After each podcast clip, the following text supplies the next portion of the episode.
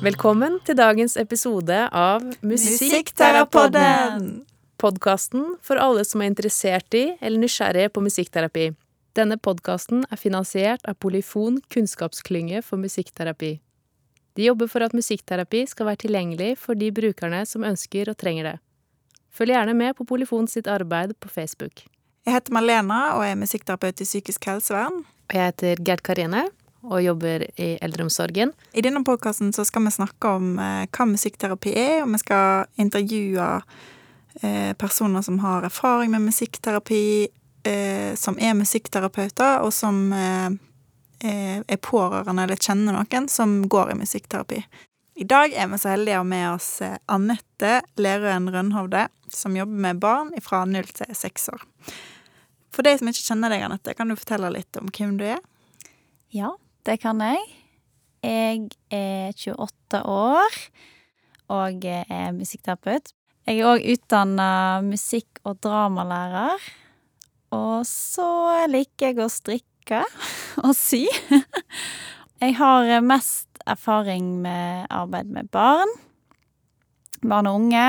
Og så har jeg òg litt erfaring fra praksis innenfor både palliasjon og rusomsorg og psykisk helse. Hvorfor valgte du å bli musikkterapeut? Åh, det er jo mange mange veier som har ført til der jeg er i dag. Men eh, jeg tror nok at den eh, lærerutdanningen jeg har i bånn, har eh, vært med på at jeg tok valget om å studere musikkterapi.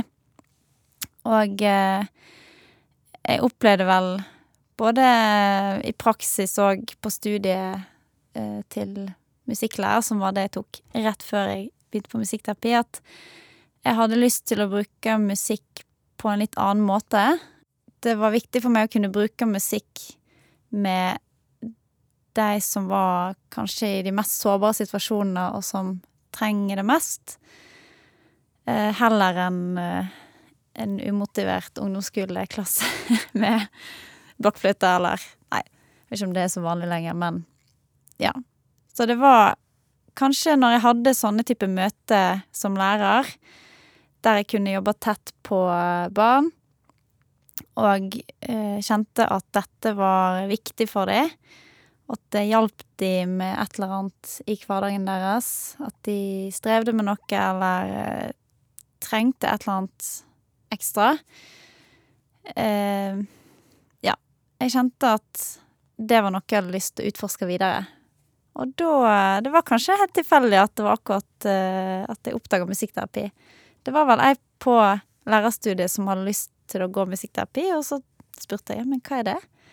Og så plutselig var jeg musikkterapeut sjøl.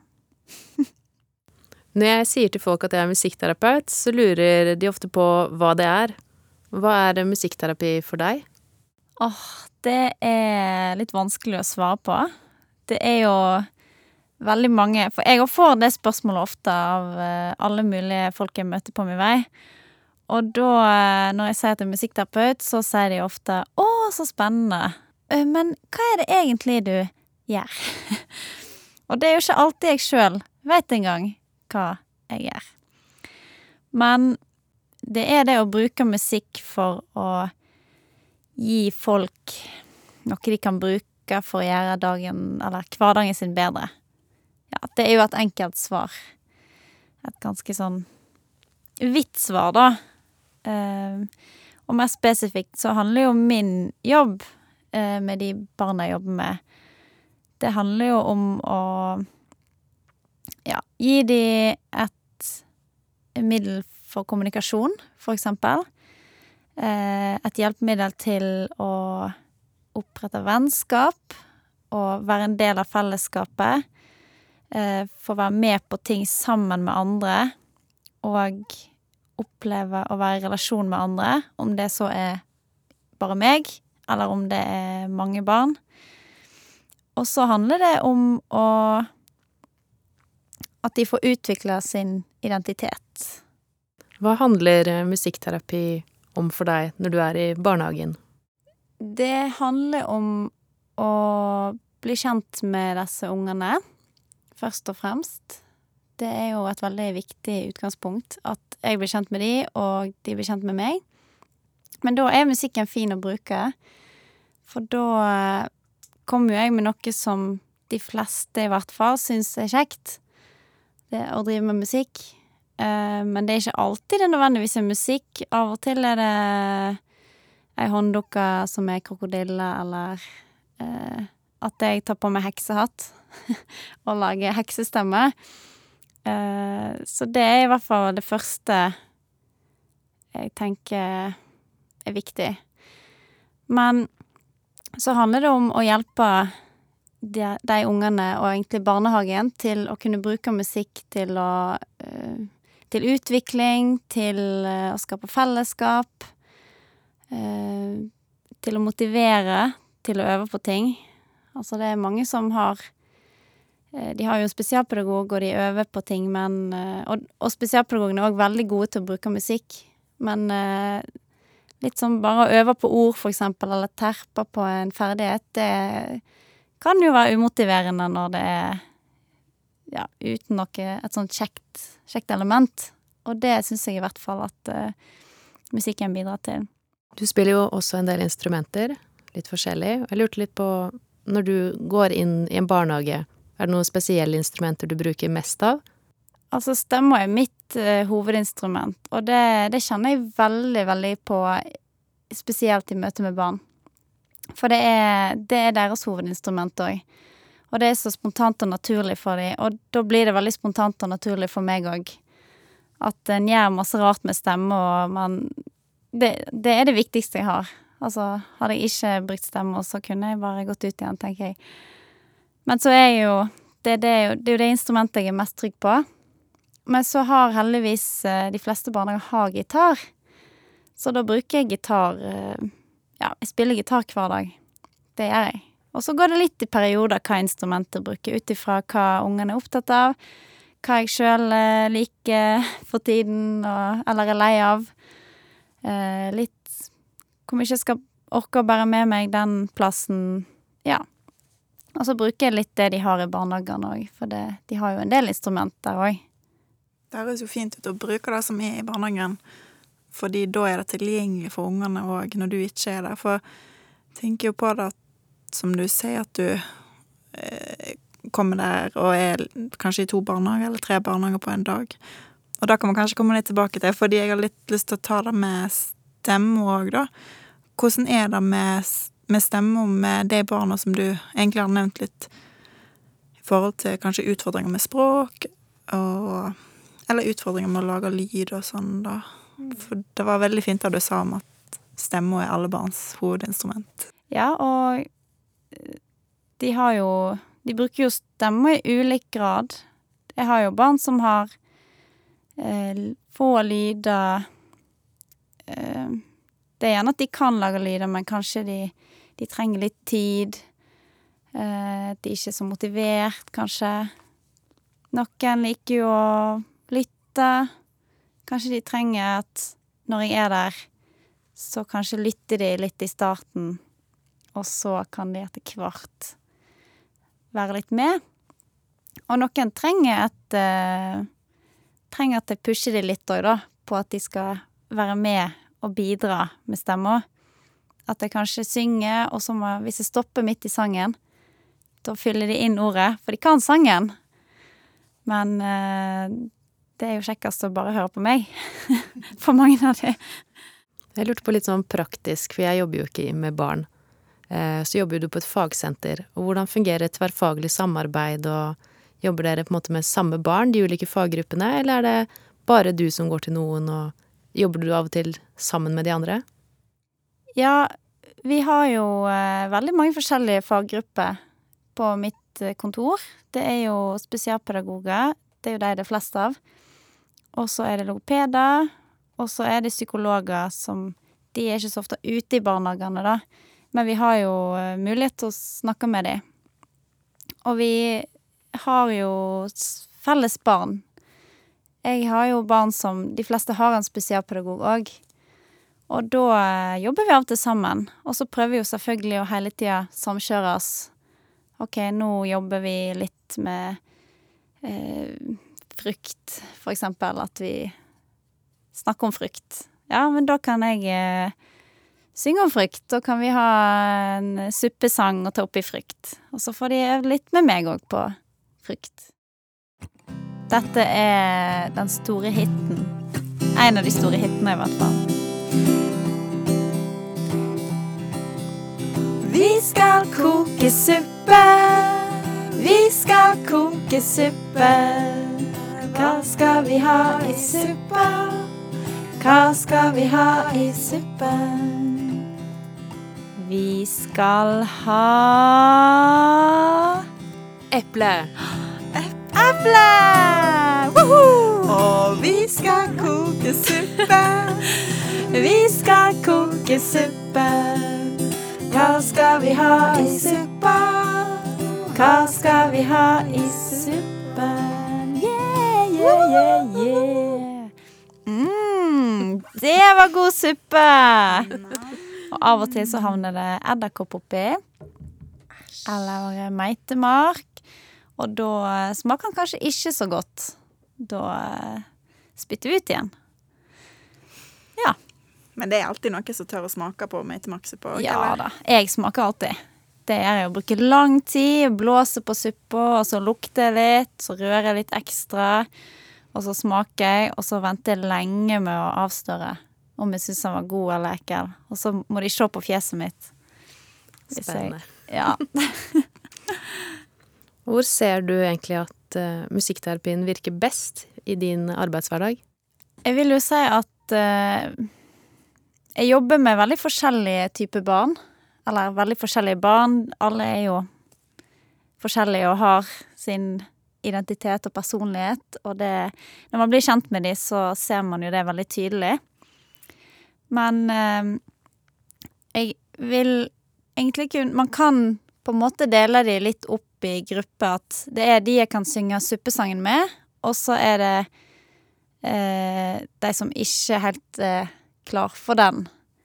At de gjerne eh, har lite blikkontakt. Eh, det er lite felles fokus, eller felles oppmerksomhet.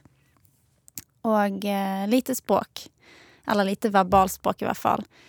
Det er på en måte barn som har et eh, et uttrykk som det er vanskelig for omgivelsene å tolke. Og de eh, jobber jeg en del med, i hvert fall nå. Og det syns jeg er veldig bra, for det er, det er der jeg ser at musikk og musikkterapi kanskje har mest for seg. Dette er barn der, ja de, de voksne og andre barn rundt opplever at det er vanskelig å få kontakt med dem. Altså, de responderer ikke på navnet sitt, eksempel. Um, de har kanskje noen ord, eller at de, de peker kanskje, eller håndleder. De, de har jo behov og ønsker som alle andre, men de har ikke lik mulighet som oss til å uttrykke det. Og det gjør det jo vanskelig for både deg og de som er rundt. Og da, det skapes jo en del uro. Fordi de havner i situasjoner der folk ikke forstår dem, og de ikke forstår eh, andre. Og da kan det bli skriking, det kan bli Ja, de kan bli veldig frustrert. Det kan det, Ja, det er vondt å se på at de har det De har ikke det så bra.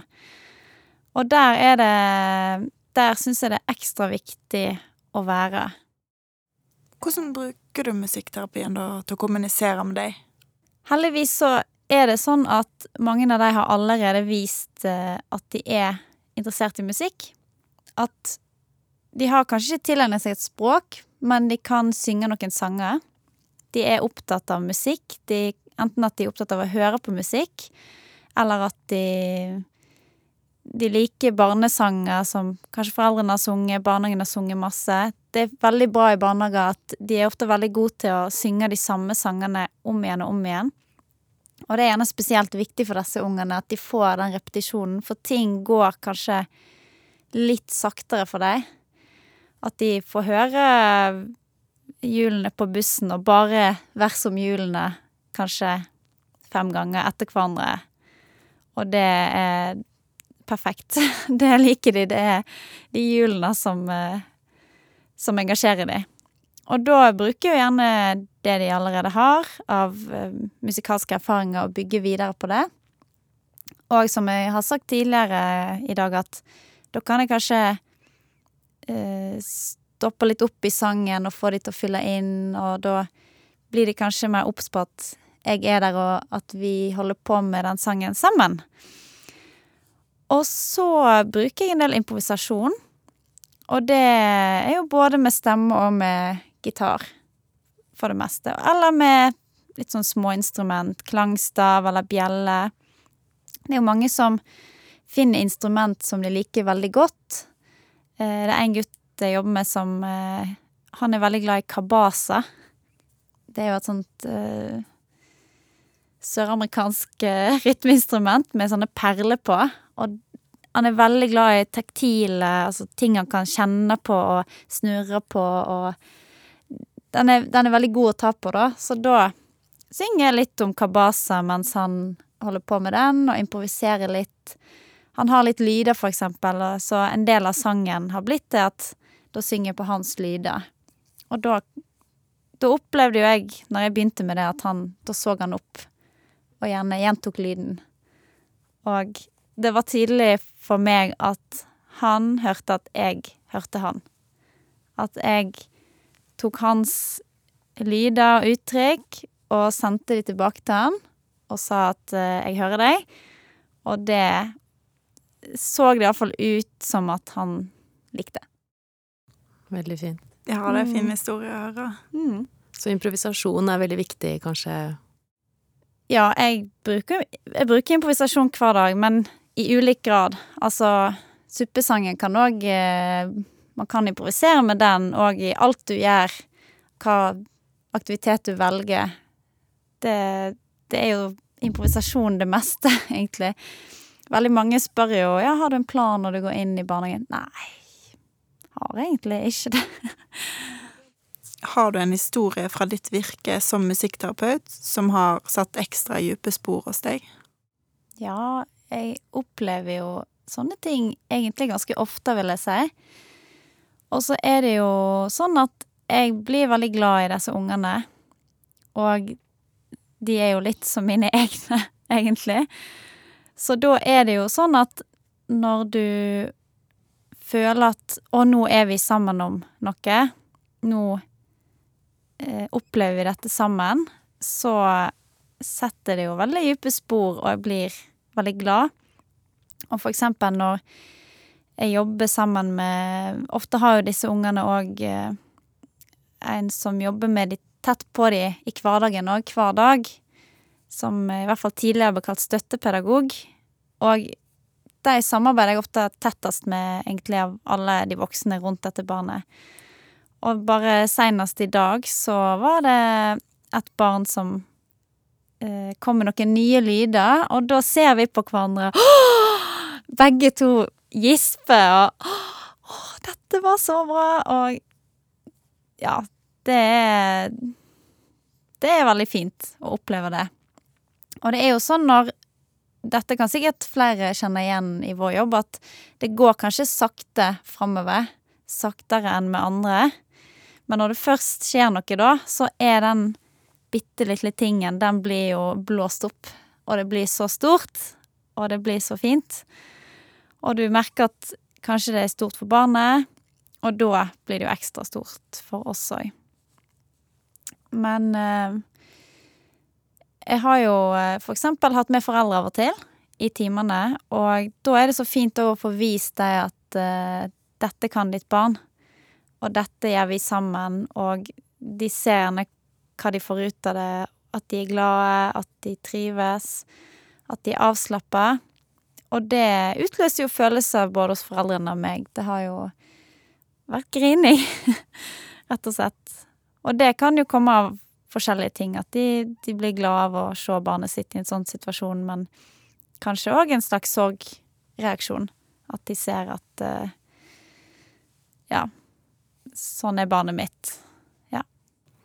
Kan du fortelle noe om uh, hva er det dere gjør på da, når disse tingene skjer? Mm. Ja, det er jo eh, Ja, det kan jo være forskjellige ting. Det er jo ut ifra hva barnet er interessert i, og hva som fenger akkurat det barnet. Eh, det er jo barn som liker veldig godt trommer, for eksempel. Og det er ett barn som eh, Ja, det barnet bare hamrer til på tromma, og jeg brøler ved siden av med gitaren. og da, da var det en av foreldrene var med. Og det var så fint å vise at, at barn som på en måte tilsynelatende går en del rundt i sin egen verden, som man kan tenke seg, kan ha et sånt samspill med et annet menneske. Det, det tror jeg var litt sterkt for eh, foreldrene å se. Jeg syns jo det er sterkt å høre det nå òg. Det at, eh, at musikken åpner opp for en måte å kommunisere på som gjør Gjør at plutselig så er barnet tilgjengelig for, for samspill, da. Um, eller du kan få noe igjen, på en måte, som du kan plukke opp og ta videre sammen med barnet. Sånn som du forteller at det var han som ropte, eller tromma hardt på tromma, og da ble du inspirert kanskje til å liksom tilbake, da. Ja, når man gjør sånne ting, så man krever jo ikke et verbalt svar fra barnet. Det, og det er jeg Det gjør jo kanskje mange rundt i. At de hele tida Det ligger en forventning at de skal snakke, at de skal kommunisere på en konvensjonell måte. Og da at jeg kan tilby musikk og lyd og lek der de ikke trenger å bruke det verbale språket sitt, det tror jeg for mange barn er en befrielse. Og de kan være seg sjøl fullt ut, og jeg aksepterer det. Både med hele meg og med musikken. At jeg, jeg svarer på deres uttrykk musikalsk, altså med gitar eller med stemme, uansett hvor rart og uh, stygg lyd det er, egentlig, eller om det er langt ned i halsen, eller en tynn, lys lyd, eller om det bare er en bitte liten uh, utpust, så bruker jeg det. Og selvfølgelig, av og til merker jeg jo at da har jeg kanskje gått over grensa. Jeg har kanskje vært litt for masete, hvis man kan si det sånn. Nå har jeg eh, snakka masse i hermetegn. Altså at nå er det jeg som har hatt ordet lenge, musikalsk, og da må jeg ta pause for å vente at nå er det din tur. Så det er jo en turtaking oppi det hele med lyd og musikk. Er det alltid individuelt eller én-til-én du har, eller har du noen gang grupper også? Jeg har for det meste grupper. For de fleste av disse ungene trenger jo å øve på det sosiale samspillet. Og så er det jo veldig lett å øve med voksen på det sosiale samspillet, for da Den voksne er jo mer tålmodig og kan sette sine egne behov til side, mens andre barn eh, gjør jo ikke nødvendigvis det. Og det er god øvelse for mange. Men noen barn har jeg eh, aleine. Og det har jo litt med at hvis det kun jeg som voksen, så vil jeg ha fullt fokus på dem. For eksempel barn som har veldig veldig eh, små uttrykk, da, hvis man kan si det på den måten at det er den eh, utpusten eller den bevegelsen i armen som jeg må være sensitiv for å få med meg da er det greit å ikke ha andre barn der. At jeg kan få med meg det. Eller at jeg av og til har med andre barn. Ja, veksle litt på det.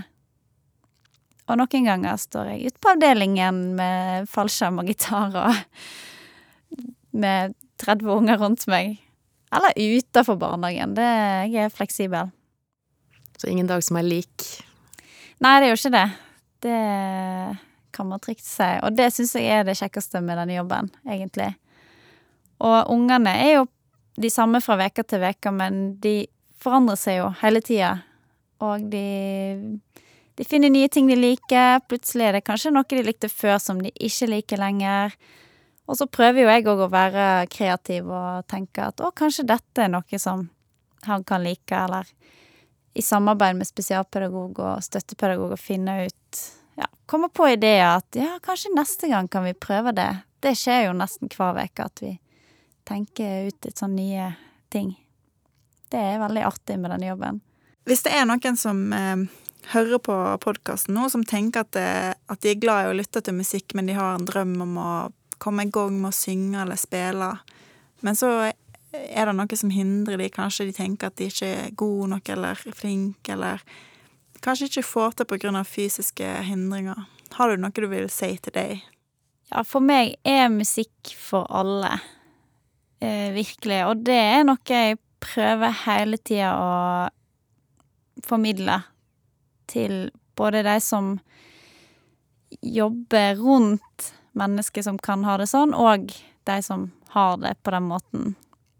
Um, det er jo lett for meg å si ja, det er jo bare til å gjøre det.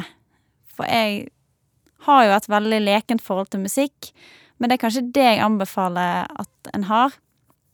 At en ikke tar uh, musikk så seriøst, rett og slett.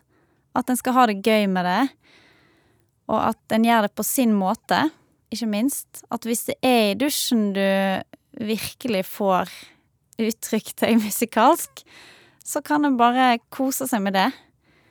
En må ikke Alle må jo ikke bli popstjerne. Men å kunne bruke musikk til å ha det bra, det syns jeg at alle skal få mulighet til. Tusen takk, Anette, for at du ville komme til oss her i Musikkterapoden. Det har vært veldig spennende og lærerikt.